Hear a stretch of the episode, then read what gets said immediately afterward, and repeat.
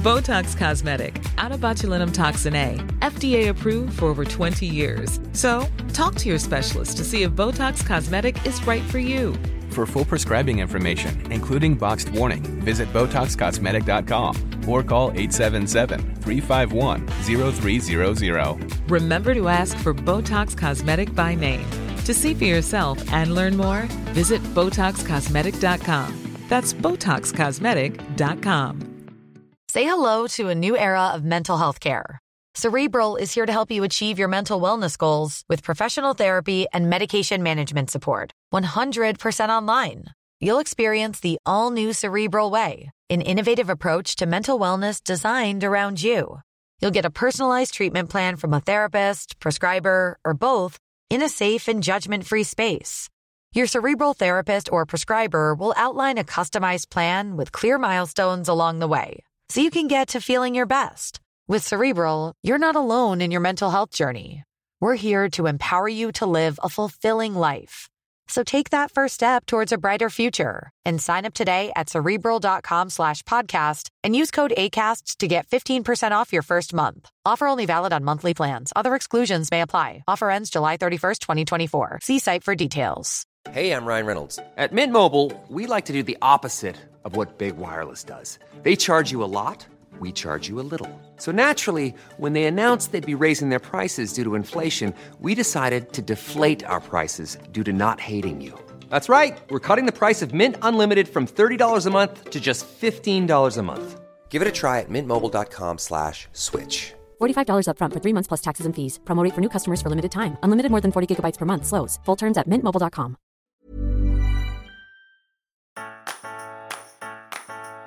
Det här är Ridsportpodden.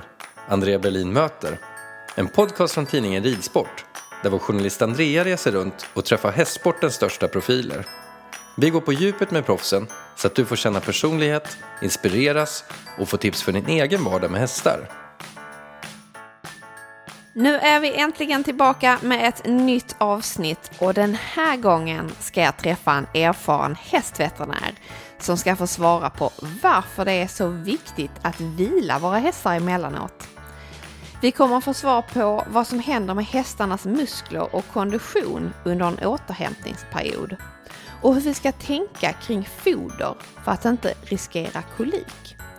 Det blir också massor av andra tips hur vi ska hålla våra hästar så friska som möjligt under hela året. Jag har åkt till skånska Löberöd för att hälsa på hos Lisa Lidbeck som bland annat har varit veterinär för våra svenska hästar under OS-resan. Hej Lisa! Välkommen till podden! Hej! Just nu är det ju en ganska svår tid eh, så här på året för att hålla igång sin häst och ha den i bra form. Det är kallt och ruggigt och fruset. Eh, därför tänkte jag att vi skulle prata lite om hur man egentligen kombinerar vila och träning på bästa sätt. Eh, så jag måste börja fråga dig, vad anser du egentligen om vintervila? Är det någonting som alla hästar behöver? Ja, jag tycker att det är ett eh, bra tillfälle att passa på att vila hästen på vintern när det är lite kallt och ruggigt ute och underlag och så är inte optimala. Och man själv kanske också tycker att det är inte jättespännande att ge sig ut när det är mörkt och, och kallt och ruggigt. Så att eh, jag tycker det är en bra tid att passa på att Men ta en liten vila. Är det Mm. bara för att man själv som ryttare tycker det är lite obekvämt att rida när det är kallt? Eller behöver hästen det när det är så här års? Alltså eh, generellt sett så är nu ryttare ganska dåliga på att planera in en, eh, en frivillig vila. Och eh, det brukar vara lättare för mig att motivera folk att låta sina hästar vara en stund på vintern. När det är jul och det är vaccinationer och det är lite annat. Så att, ehm, ja, nej, jag tycker absolut inte det för att eh, bara vi behöver det. Men eh, eh, det är ju ganska mycket psykologi i min, i min, min ja, som veterinär så har man ständigt det att man måste ha djurägaren med sig. Och då kan det ibland vara lättare att motivera folk på vintern. Men rent konkret, vad är en vintervila? Om man tänker, vad, vad ska hästen göra då? Ja, det beror ju helt på vad man har för, eh, för häst naturligtvis och vad Mm. den är van vid att göra. Och, eh, jag tycker väl kanske att eh, det viktigaste är att hästen får göra någonting annat. Mm. Både fysiskt och ja, även för, för men den mentala hälsan. Att hästen behöver kanske få ett litet break. Eh, en eh, dressyrhäst som går hela året ofta i ett och samma ridhus på ett och samma underlag mår bra av att få ett par tre veckor och bara skritta ut i skogen om man kan få någon att göra det. Och det kanske är så att man inte själv känner att man vågar det eller så, men då kanske man har någon mera garvad väninna eller någon som vill ta hästen ett litet tag. Ehm, Men generellt sett att man gör någonting annat med, med hästen. Så det behöver inte vara att den ska vila och stå i box och... Nej, box är väl inte så lämpligt eh, generellt Nej. sett att hästen är där. Sen eh, kan man väl säga så att släppa ut hästen klockan sju på morgonen eh, i en liten hage där den står och fryser och ta in den sju på kvällen är ju inte idealiskt heller. Nej. Så att eh, det gäller att man anpassar det efter hur, eh, hur hästen fungerar och vad den... Eh, vissa hästar mår ju bra som sagt av att vara ute en stund och sen kommer de in och så rider man. De kanske går i skrittmaskinen. Det är också vila. Mm. Att man gör någonting annat helt enkelt. Mm. Också att hästar slipper ut och resa hela tiden. Eh, när det är vinter så blir det väldigt mycket resor för hästar. De får, och många, en del hästar bryr sig inte överhuvudtaget om att bli lastade hela tiden. Men många stressar upp sig. tycker att det är lite obehagligt. De vet inte vart de ska. Och håller man då på och kör till olika ridhus och olika tränare hela tiden. De kan behöva slippa ifrån det också. Mm. Hur vet man egentligen eh, när det är dags för vila och återhämtning? Eh, kan man känna av det på hästen på något sätt? Ja, hästar är ju ganska lojala i och för sig så de, eh, de ställer ju upp för det mesta. Men det är klart man kanske kan känna att hästen är lite eh, inte lika villig till arbete som vanligt. Det kanske tar lite längre tid att värma, eh, värma upp den. Att man känner att man får trava fem minuter extra eller innan hästen kommer loss. Mm. Då kan det faktiskt vara så att den, den har små spänningar eller så. Och, um, små skavanker eller ömheter som, den, som det tar en liten stund att, att värma bort. Mm. Då kanske det är läge för en, för en vila. Men generellt sett, alltså hästar, eh, det är ju elitidrottsmän. De, de tränar ju på en ganska, det ska man inte säga om alla hästar naturligtvis, men många hästar tränar ändå ganska, ganska intensivt. Och eh, de behöver ha en, en, en break liksom, så det behöver, inte, det behöver inte finnas någon speciell anledning utan jag tycker att alla borde planera in det i sitt, som i sitt eh, ja, tävlings och träningsprogram så ska det finnas i alla fall minst en vila och jag förespråkar gärna att man tar ytterligare en när det är lite lugnare mitt på sommaren där om det, om det passar. Mm. mm. Vad händer då i hästens kropp med eh, muskulatur och sånt där under, under vilotiden? Ja, man behöver ju inte vara orolig för att någon muskelmassa försvinner. Nej. Man har eh, gjort studier på det, att hästar har stått en fem, sex veckor i, alltså helt stilla i en box. Och då man har inte kunnat säga att det blir någon, någon eh, minskad muskelmassa faktiskt. Börjar de stå mer än 12 veckor, ja, då är det inte så bra. Däremot andra saker som eh, bentäthet och sådana där saker går ner ganska snabbt på hästar som inte rör sig. Mm. Men det behövs inte speciellt mycket belastning för att upprätthålla det heller. Okej. Så att en häst som, eh, alltså strikt boxvila är ju sällan bra för någon, för någon häst. Om man inte måste det, som vid frakturer och sådana där saker. Men annars, de allra flesta skador mår ju bra av en aktiv vila.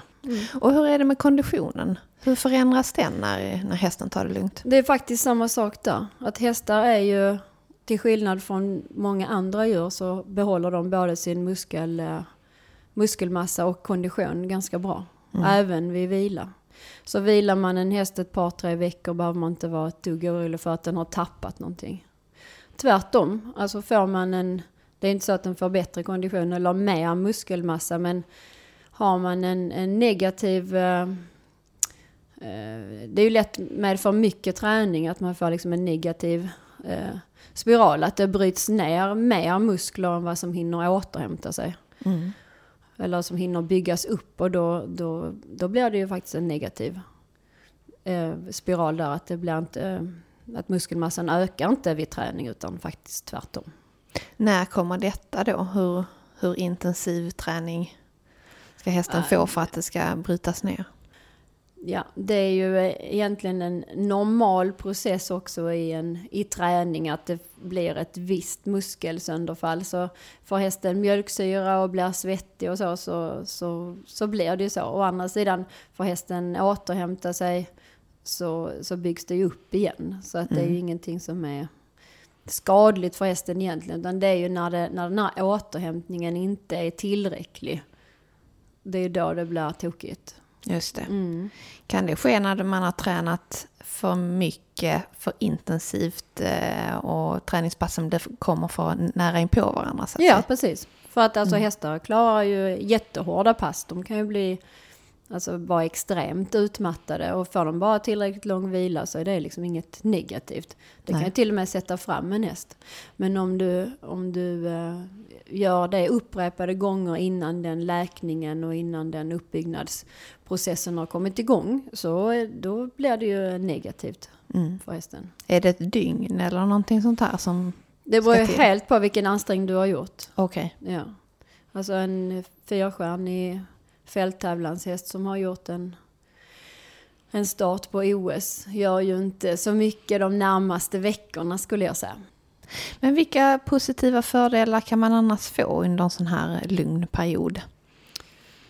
Ja, det är ju som sagt att småskavanker hinner att läka, eh, läka ut. Mm. Så att jag tycker inte att det behöver vara nödvändigtvis som sagt en sjuk häst som vilar utan alla kan gott få en liten paus. För det, man, det arbete vi gör med dem sliter på dem. Och det sliter ju mer om de inte får en chans till återhämtning. Kroppen är ganska bra på att laga hela tiden saker. Men om man inte får tid till det så blir det tokigt.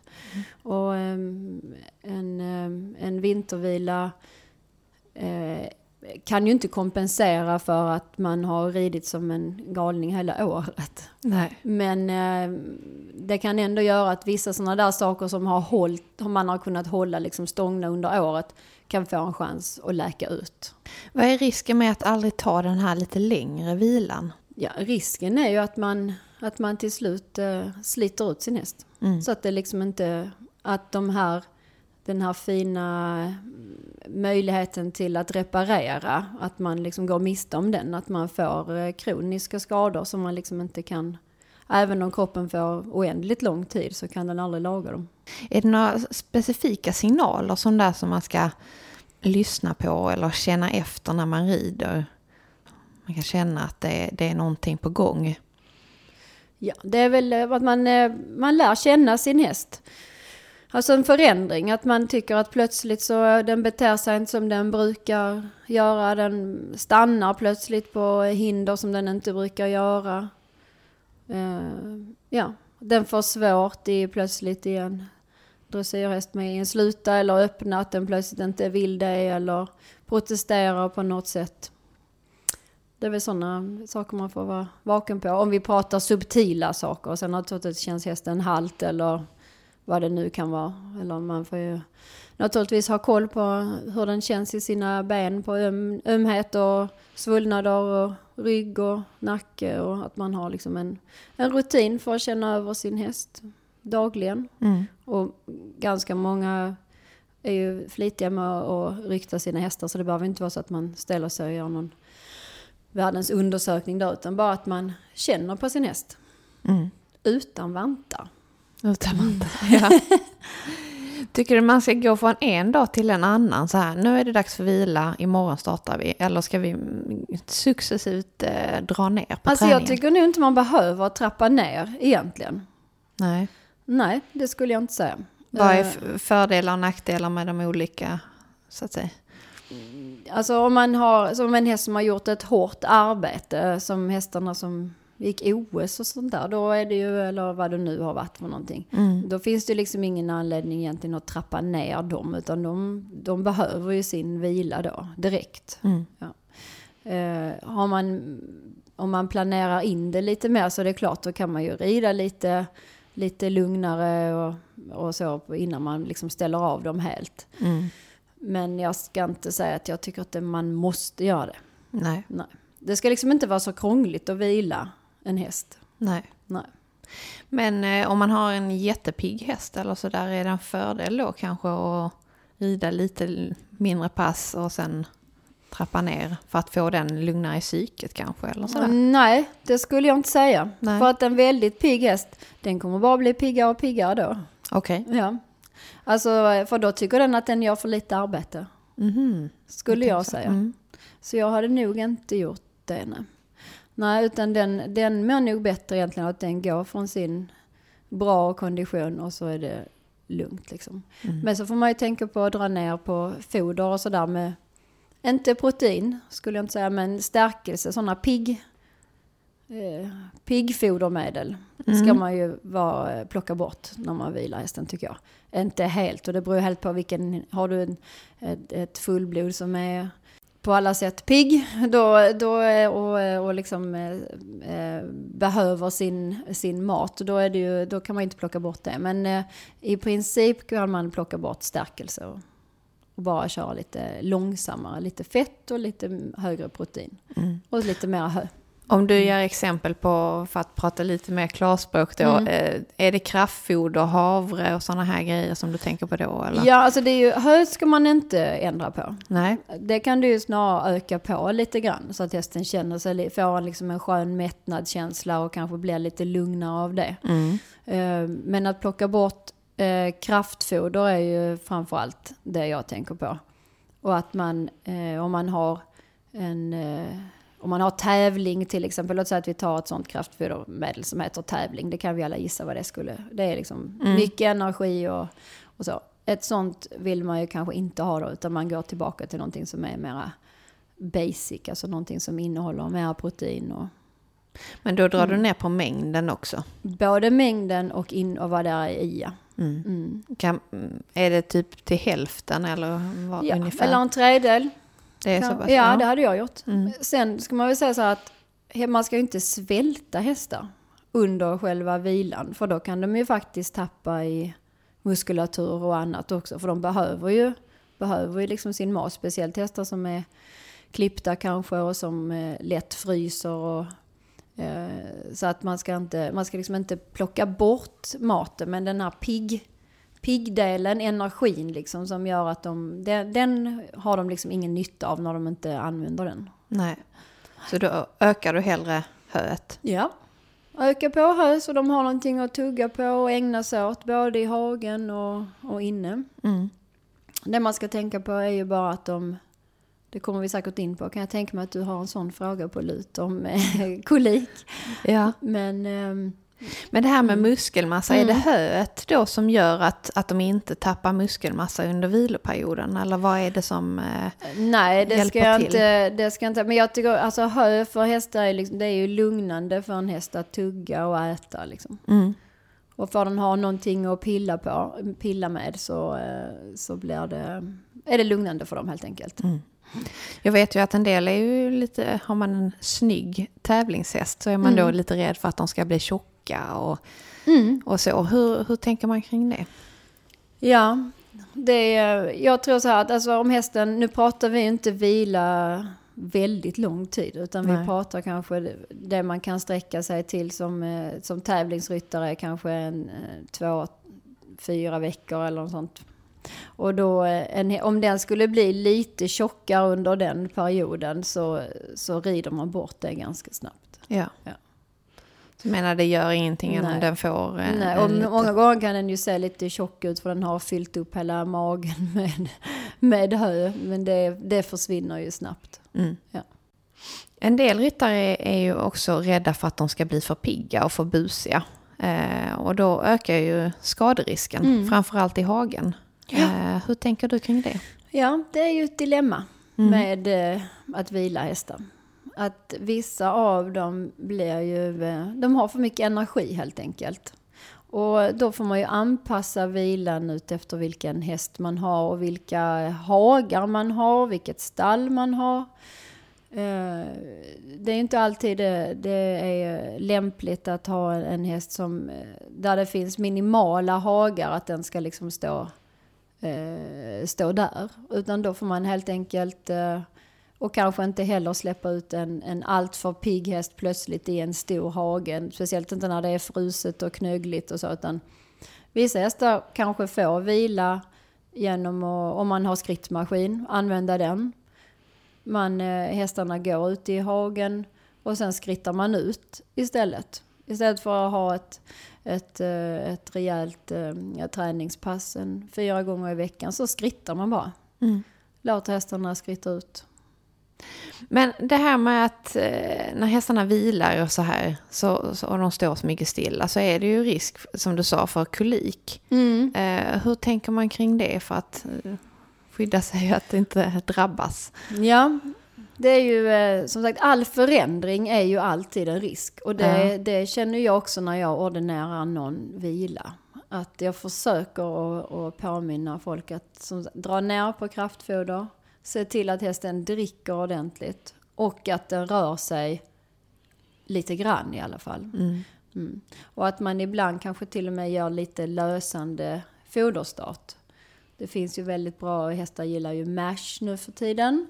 Och det finns eh, ja, olika betfor och saker som, gör, som är lite lösande. Som gör att eh, man ska ju inte ösa i dem så mycket så att de blir pigga. Men lite grann. Och olja kan man ge, sa jag det? Ja. Men vad är det då som sker när, när hästen får kolik? Ehm, Ja, kolik är egentligen bara ett samlingsnamn på alla, alla magsmärtor kan man säga. Eller? Så att, eh, men det vanligaste är ju att man får förstoppning på vintern. Och det är ju eh, oftast för att de dricker för lite. så det är inte mängden mat egentligen som är problemet? Mm, eller det är väl egentligen om du äter, äter en häst mycket hö och dricker tillräckligt så är det ingen fara. Men om man då ökar på höet som jag sa innan och så dricker hästen för dåligt och den har inget vatten i hagen. Och så, då kan det ju bli tokigt. För då kan ju en sån häst bli förstoppad. Okej. Och även om den rör sig lite då, då spelar Ja. inte det så stor roll? Alltså rörelsen är jätteviktig, absolut. Det, det vet man ju att det är. Men det kan ju vara att det ändå blir eh, att den eh, dricker helt enkelt för lite i förhållande till vad den äter. Och vad är dina bästa tips för att slippa det här? Eller om man har, har rädsla för att det är på gång? Ja, det är ju som sagt att ge en lite lösande foderstart. Och så Ja. ha koll på, eh, på, eh, på, på eh, skiten helt enkelt. Är den, börjar den se lite torr ut? Är det mindre högar än vad det brukar vara? För så är det nästan alltid. En häst går liksom inte från normal skit till förstoppad, alltså normal skit till att det blir, eh, eh, vad heter det, tvärstopp. Utan det är liksom, där är en gradvis övergång där. Så att man har lite koll på det. Mm. För då ser man ofta att det börjar bli torrt. Sen kan en häst som är på gång att bli, eller som är förstoppad, göra tvärtom. Att den eh, försöker skjutsa på. Och då kan den få lite diarré istället. Så det kan också vara tecken på att den faktiskt kan vara förstoppad. Konstigt nog. Men när man sen ska dra igång då efter vintervilan, eh, vad är dina bästa tips för att igångsättningen ska bli så naturlig som möjligt för hästen? Vad är en rimlig plan? Alltså har man vilat bara ett par, tre veckor som de flesta gör kanske, då behövs det liksom ingen speciell igångsättning, eh, att man behöver liksom planera det i minutiöst. Utan jag brukar säga att, att man, en normal igångsättning på att man har eh, på en två veckor Hey, I'm Ryan Reynolds. At Mint Mobile, we like to do the opposite of what Big Wireless does. They charge you a lot, we charge you a little. So naturally, when they announced they'd be raising their prices due to inflation, we decided to deflate our prices due to not hating you. That's right. We're cutting the price of Mint Unlimited from $30 a month to just $15 a month. Give it a try at mintmobile.com slash switch. $45 upfront for three months plus taxes and fees. Promo rate for new customers for limited time. Unlimited more than 40 gigabytes per month. Slows. Full terms at mintmobile.com. Botox Cosmetic, out of botulinum toxin A, FDA approved for over 20 years. So, talk to your specialist to see if Botox Cosmetic is right for you. For full prescribing information, including boxed warning, visit BotoxCosmetic.com or call 877-351-0300. Remember to ask for Botox Cosmetic by name. To see for yourself and learn more, visit BotoxCosmetic.com. That's BotoxCosmetic.com. Every fan knows the right player in the right position can be a game changer. Put LifeLock between your identity and identity thieves to monitor and alert you to threats you could miss. Plus, with a US-based restoration specialist on your team, you won't have to face drained accounts, fraudulent loans, or other losses from identity theft alone. All backed by the LifeLock Million Dollar Protection Package. Change the game on identity theft. Save up to 25% your first year at LifeLock.com slash aware. Period där man ökar träningen successivt under ett par veckor och sen är man igång där man var. Så det är ridtiden och Ja, ridtid och då, då tänker jag mig att man börjar, om hästen har vilat helt, så börjar man med att skritta ut några dagar eller vad man nu är i ridhuset. Man ja, tänjer och böjer lite och man kan trava lite grann från början också, det är inget, eh, inga konstigheter. Eh, men att man ökar på det lite grann eh, under en, en, ja, två veckor helt enkelt. Ökar på det successivt. Många känner ju så här att de blir lite rädda för att sitta upp när Just hästen det. har, har varit stillastående. Ja. Eh, och kanske longerar och så innan, men den, den snurrar mest runt och är ganska galen. Vad, eh, hur ska man göra då? Ja, det är ju också eh, klart en skaderisk både för hästen och för eh, människan. Och är den extremt vild hästen så kan man ju faktiskt be sin veterinär om att få lite eh, lugnande de första dagarna så att man inte skadar sig. Men eh, många gånger går det ju ganska bra och man kan ju naturligtvis longera en liten stund innan man hoppar upp så att inte... Så att inte eh, longering är inte min eh, favoritgrej annars på en, en kall häst liksom att den Nej. far omkring utan kan man försöka klamra sig fast är det ju bra. Nej, för det blir, det blir en ganska så eh, snabb start. En rivstartare eh, brukar göra det när ja, man börjar man longerar ja. galoppera. Så, så därför är jag överhuvudtaget inte så glad för att ha hästar på lina mer än på kliniken egentligen. Nej. Det händer ju inte så sällan att vi eh, stöter på hästar som har, har fått eh, både kotbens och kronbensfrakturer. För att de busar loss i, i ridhuset och, och vänder och svänger. Med, och det blir en väldig kraft. Ja. Ja. Så att det, det, det rekommenderar jag inte att släppa ut hästar i ridhuset. Nej, det är väl egentligen likadant som i hagen. Det är bara det att det är ett annat underlag kan man säga. Ja, och det är också det är ett bra fäste och hästar kanske tycker att där inne brukar man normalt sett jobba de är lite så, så tycker de det är toppen att komma och lösa där lite. Och många gånger kanske djurägaren står i mitten och jagar dem lite för det ser kul ut när de springer lösa och sådär. Men eh, eh, just de här hastiga inbromsningarna och när de vänder och skruvar samtidigt, alltså det blir enorma krafter på, på benen. Så, så kraftiga så att de faktiskt kan bryta, få sådana spiralfrakturer. Nej då. Och det är, det är inte liksom, det har hänt ganska många gånger tyvärr att vi har sett sådana. Okej. Och det händer alltid på vintern. Hur stor påverkan har egentligen kylan på hästen när man tränar? Ingen alls skulle jag säga. Hästar klarar att vara både i varma klimat och i kalla.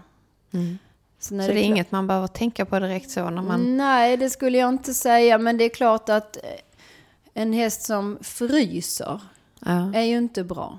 Så om man har, eh, om man har klippt sin häst eh, och den har liksom inget, ingen päls på rumpan och så, så är det ju väl eh, ganska självklart att man, att man har ett ländtäcke eller så när man värmer upp. Just för att liksom...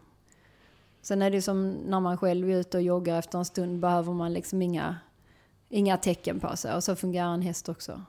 Så att kylan i sig är inte så att de de stelnar nog till ungefär lika mycket som, som vi. Men hästar är ändå ganska bra på att reglera sin, eh, kroppstemperatur så att den är optimal för, för, för arbete. Alltså en häst är ju gjord för att kunna explosivt fara iväg liksom. Utan att sträcka alla muskler. Vad händer med, med leder och, och sådana där grejer vid, vid kyla? Är det en fördel att det kyler ner Ja, sen alltså efteråt? de, eh, det är ingen nackdel i alla fall. Alltså benen är ju sällan så torra som på, eh, på vintern. Nej. Så att eh, de mår inte dåligt av, eh, av det. Hästars ben från knät och från hasen och ner där finns ju överhuvudtaget inga muskler alls. Nej. Utan det är ju liksom bara senor och, och leder och de, de, eh, de mår inte dåligt av att det är, är kallt. Det fungerar bra.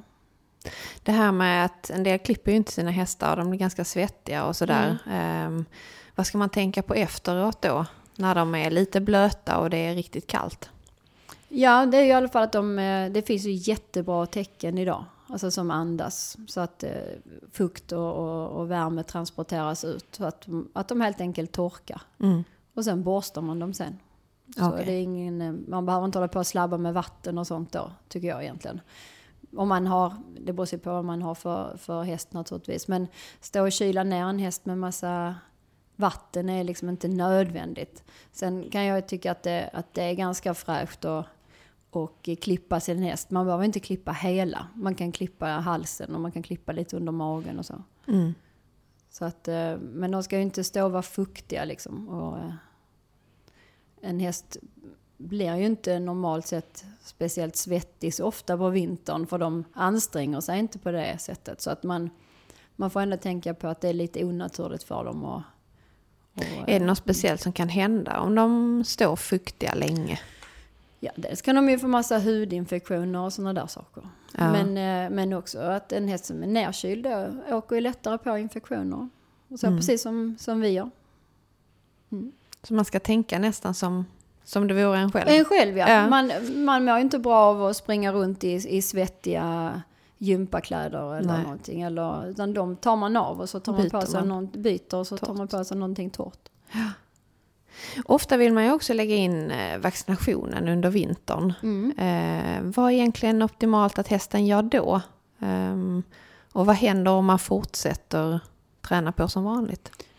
Ehm, det är bra att vaccinera sin häst eh, på hösten, tidig vinter. Av samma anledning som man vaccinerar människor vid den tiden. För att de flesta virus trivs bra under vintertid och sprids då. Och man, det är oftast då man drabbas. Så att om man vaccinerar sin häst i maj till exempel, då har ju hästen eh, eller, tio, eller ja, lite försommar där. Då har ju hästen nästan som sämst skydd när den behöver det som mest. Det vill säga över vintern. Så det finns en fördel att vaccinera lite sen höst, tidig, tidig vinter. Så egentligen nu i februari är lite för sent? Det är lite för sent skulle jag det? säga. Mm. Mm. Okej. Och sen... Så där vid eh, jul tycker jag också det är faktiskt en ganska bra tid. För det, Det är okej. ja, det är okej. Mm. Och sen, vad händer, vad händer i hästens kropp? Det där med att den inte får svettas och anstränga sig sådär. Alltså det händer egentligen inte mycket. Ett vaccin är ju, man kan säga att man ger ju hästen eh, lite grann av, en, av eh, sjukdomen. Fast i en väldigt lindrig form. Man får immunförsvaret att reagera på som om hästen hade träffat på sjukdomen. Eh, och, och man vet ju själv när man håller på att få någon influensa eller så att man känner sig lite ruggig. Man kan till och med få lite, ja man får feber och sådär.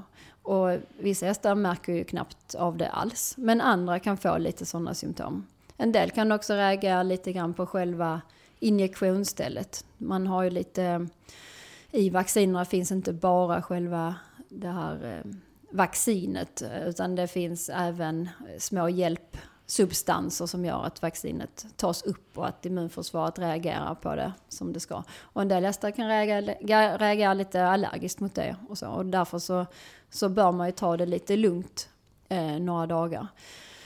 Men det är egentligen eh, häst, känns hästen, om den är pigg och eh, inte har någon feber och så, så innebär det inte att man inte kan rida. Jag tycker man ska inte rida den svettig de närmaste dagarna bara. Okej. Mm. Du sa här innan att det skulle vara bra att vila även en gång till utöver Mm. vintervilan så att säga på sommaren. Hur Ja. tänker du kring det? Ja, jag, eh, märker ju att de som gör det har ju mindre besök hos mig i alla fall. Alltså har de de. som Mm. generellt sett bokar eller som, som eh, planerar in en vila. Och de som har börjat göra det ser ju också en, en väldig liksom eh, fördel av det. Att hästarna liksom, de tappar ingenting. Tvärtom, de kommer tillbaka och är piggare, mer motiverade. Och det är klart, känner man sig fräsch i sin kropp så är man ju mer intresserad av arbete. Mm. Så att, eh, plus att de där småskadorna som kanske hänger precis, ska det, ska det bli någonting allvarligt eller håller det sig precis? Och får de då en liten stund där. Så, Är det kring tre veckor du pratar om Ja, då? där någonstans. Mm. Två, tre veckor. Och som sagt, vissa småskador kan du ju kanske, som jag sa innan, bara under ett ridpass. Att du inte sitter och nöter och nöter och nöter tills hästen är helt slut. Utan du lägger in ett, en, en skrittpaus. Då gör det att syresättningen kommer igång i muskeln, att muskeln kan arbeta optimalt. Den arbetar liksom inte under, under negativa förhållanden. Och om muskulaturen får arbeta som den ska så sliter det mycket mindre på leder och senor och ligament. Om hästen får en så kallad liten känning eller om man ska Mm. säga. Eh, är det en fördel tycker du då att vila den tre veckor mitt i sommaren? Eller ska man då gå till veterinären och få något antiinflammatoriskt för det där? Det beror ju helt på vad det är för skada naturligtvis. Mm. Men många gånger kan ju det optimala vara att man, att man, eh, om det är en lindrigare sak, att man kan få eh, någon typ av antiinflammatorisk medicin och sen har man sin vila. Vissa gånger kan det ju behövas mera lokalbehandling, en ledbehandling eller en behandling i en muskel, antiinflammatorisk medicin och vila. Men för mig är den där vilan liksom, man kan liksom inte komma ifrån den riktigt. Man kan tumma på den ibland. Jag jobbar ju som sagt med landslagshästar och, och eh, även hästar på hög nivå. Ibland så finns liksom inte tiden under säsongen. Nej. Så för mig är det jätteviktigt att man kan liksom inte bara köra på. Någonstans måste man liksom ge dem tiden. Och då får man faktiskt planera in det. Och jul är en, eller ja, vintervilan är en och mitt i sommaren är en. Och sen att man försöker ha lite utrymme resten av året också. Så när man lägger upp sin tävlingsplan då med... Mm. Så ska man lägga in Så. sina vilor också. Just det. Definitivt tycker jag. Ja. Hur om sig kring sig ska man vara med sina, sin utrustning? Jag tänker då på stallbandage och benskydd i hagen och boots och sådana där grejer. Det Mm. råder ju delade meningar om det där om man kan skydda dem eh, under vilan eller när de är för sig själva. Vissa hästar behöver definitivt skydd i hagen. Som Ja. håller på och eh, slår på sig hela tiden. Men det stora flertalet skulle jag säga behöver det inte. Nej. Och sen handlar det också om vad hästen är van vid. Är den eh, liksom från början van vid att ta hand om sig själv? Att den vet att där är ingenting som skyddar mig om jag slår till mig på benet här. Så då, eh, då klarar sig en sån häst bättre om man, om, än om man har börjat att linda in den i bomull. Men sen finns det ju vissa som, som bara är klantiga helt enkelt. Och som ska slå på sig hela tiden. Och då, då har man inte så mycket val helt enkelt, utan då får man ha grejer på dem. Och det finns de som trampar av sig skor i hagen hela tiden så att de inte... Man får se till individen. Men generellt sett så, ju mindre grejer man har på dem, desto bättre är det ju. Om man kan. Men vissa, vissa går ju bara inte liksom. Nej. Vissa hästar kan knappt vara ute heller för den delen. Nej. Så är det ibland. Då får man göra andra saker med de hästarna. Det är klart de får gå ut en liten stund. Men, eh, men det kanske inte går att ha dem i en stor hage. Då får de gå i skrittmaskin. Man får rida lite mer. Det ställer högre krav på, på andra sorters motion. Mm.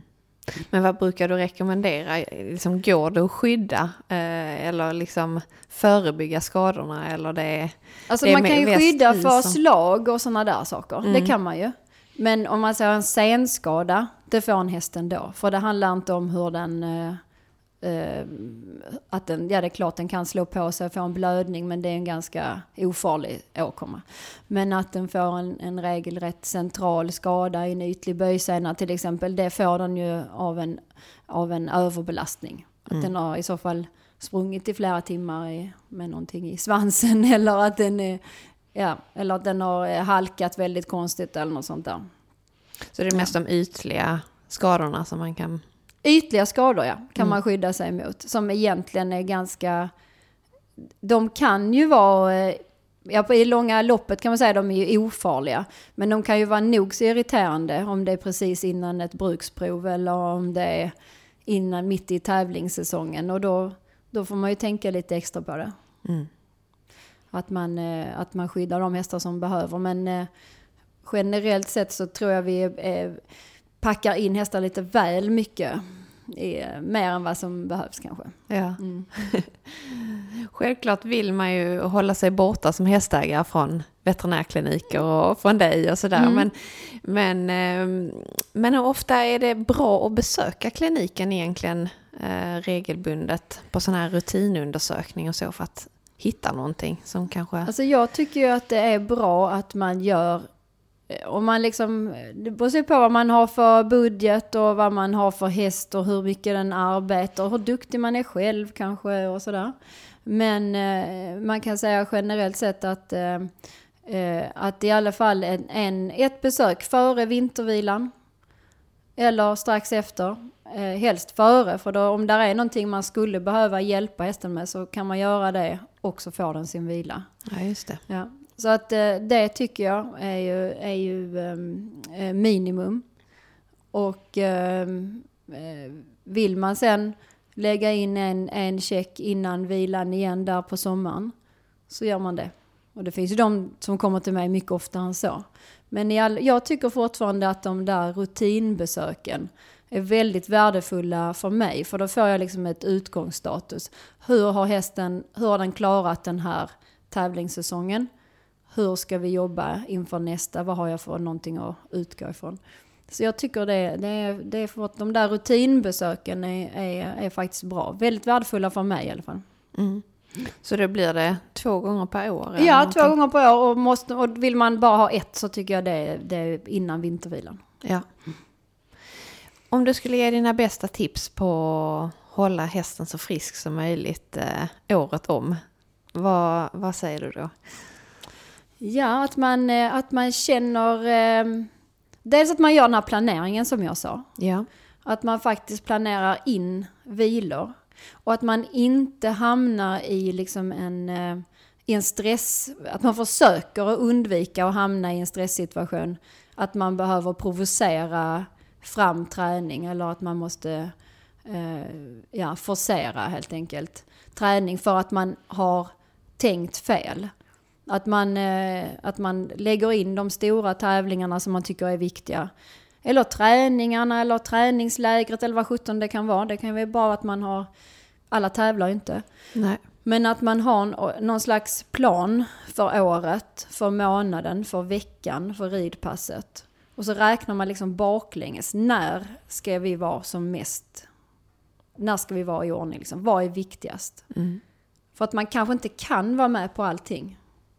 Utan man, eh, man faktiskt försöker och, och, och prioritera vad man tycker är viktigast. Så balansen mellan träning och vila. Mm. Och att det är liksom en medvetenhet i vad man håller på med. Att man liksom inte bara, oj nu har jag eh, hoppat här fem helger i rad. Därför att den kursen låg där och den tävlingen låg där och, och ja, det passade med det. Eller att man liksom faktiskt tänker efter lite. Och kanske våga vila sin häst, för det är väl ett ganska vanligt problem det där att Mm. man inte vågar. Den kommer ur form, den blir för pigg, den kan skada sig, det är många Ja. olika sådana här grejer. Ja, det gäller ju som sagt att hitta en balans där. Och många gånger behöver det inte vara att man vilar för mig är inte alltid att man släpper ut den i hagen och glömmer bort den. Nej. Vissa gånger kan det vara det absolut bästa. Att man rycker av skorna och det är snö ute, härligt. Bara släcka, släppa ut den där i, i tre veckor och låta den få lång päls och bli lite tjock. Men eh, det, det är inte alltid eh, så att det fungerar eller att det passar inför för alla hästar. Utan då kan det vara som sagt att man gör någonting annat. Skrittar ut. Istället för att hoppa, man hoppar inte på några. Man tar någon dressyrkurs eller vad vet jag. Gör Mm. någonting annat i alla fall. Mm. Mm. Jag måste också passa på att fråga Lisa nu när vi ändå pratar. Eh, vad är det bästa med att vara hästveterinär egentligen och ha en, en känd klinik som ni har i eh, skånska Löberöd? Ja, man träffar ju väldigt många fina hästar. Ja. Eh, och det är roligt. Och eh, väldigt mycket trevliga människor. Och eh, jag eh, uppskattar liksom att hitta en lösning som, eh, som passar hästen och, och ryttaren och ägaren. Att man försöker jobba, ut, jobba fram någonting som, eh, ja, som funkar för, för de flesta inblandade. Ibland kan det vara att man, att man lagar en häst. Ibland kan det vara att man rekommenderar dem att jag tror inte den här hästen passar för dig. Den här hästen kanske är, Eh, den har fysiska förutsättningar som inte passar det du vill. Det du vill eller ja. Att man helt enkelt eh, har ett, ett bra samarbete med dem man, man jobbar med. Och vi har haft turen att, ja, att ha sådana kunder får jag säga. Mm. Har du någon häst eller något uppdrag som har varit eh, väldigt speciellt eller stått dig, stått dig nära under den här tiden som veterinär? Ja, man har ju klart eh, favoritpatienter. Eh. Ja. eh, nu får man inte nämna dem vid namn, men eh, visst har jag det. Och sen eh, är det klart eh, landslagshästarna, eh, fälttävlanshästarna som jag reste till Rio med. Ja, det är klart. De har jag ett speciellt förhållande till. De som jag flög med, det var första gången jag flög, det var väldigt speciellt tyckte jag. Ja. Och, eh, jag tror både hästarna och jag kände oss utsatta. eh, I de här containrarna och det skakar och det låter. Och, och hästar som normalt sett är rätt coola, de har varit med mycket. De, det kändes att de tyckte det var skönt att jag var där. Ja. Och när jag har träffat dem efteråt så ja, vi har, eh, vi har ett speciellt band nu tror jag faktiskt. ja. Hur ofta kommer de till dig? Eh, Just nu så är det ju lite vintervila. Det är det, ja. Fälttävlansryttare är ganska bra på att vila sina hästar. Mm. Men, eh, och de har ju sina egna veterinärer hemma. Så vissa av dem kommer till eh, mig eller Staffan. Men många av dem har sina egna veterinärer. Så att jag kommer nog inte träffa de flesta av dem förrän eh, på, eh, i februari när vi har lite första träning. Okej. Ja, det har varit jätteintressant att höra om, om dina, eh, alla dina tips kring vinterträning och vad man ska tänka på. Och jag tror också lyssnarna har, eh, har fått inspiration hur de ska lägga upp en plan. Ja, jag hoppas att det är någon till som vågar vila sin häst och se alla fördelar med det. Ja, det hoppas vi verkligen. Tack så mycket Lisa för att du ville vara med. Ja, tack ska du ha. Tack. Vi vill jättegärna veta vem du vill att vi ska träffa nästa gång och vad vi ska prata om. Maila till oss på podden snabel tidningen ridsport.se Programmet producerades av Lavaletto. Tidningen Ridsport. Allt du behöver veta om sport, avel och nyheter. Prenumerera du också.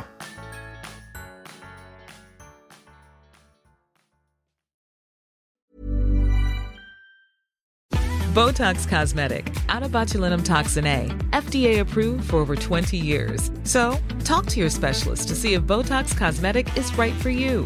For full prescribing information, including boxed warning, visit BotoxCosmetic.com or call 877-351-0300. Remember to ask for Botox Cosmetic by name. To see for yourself and learn more, visit BotoxCosmetic.com. That's BotoxCosmetic.com.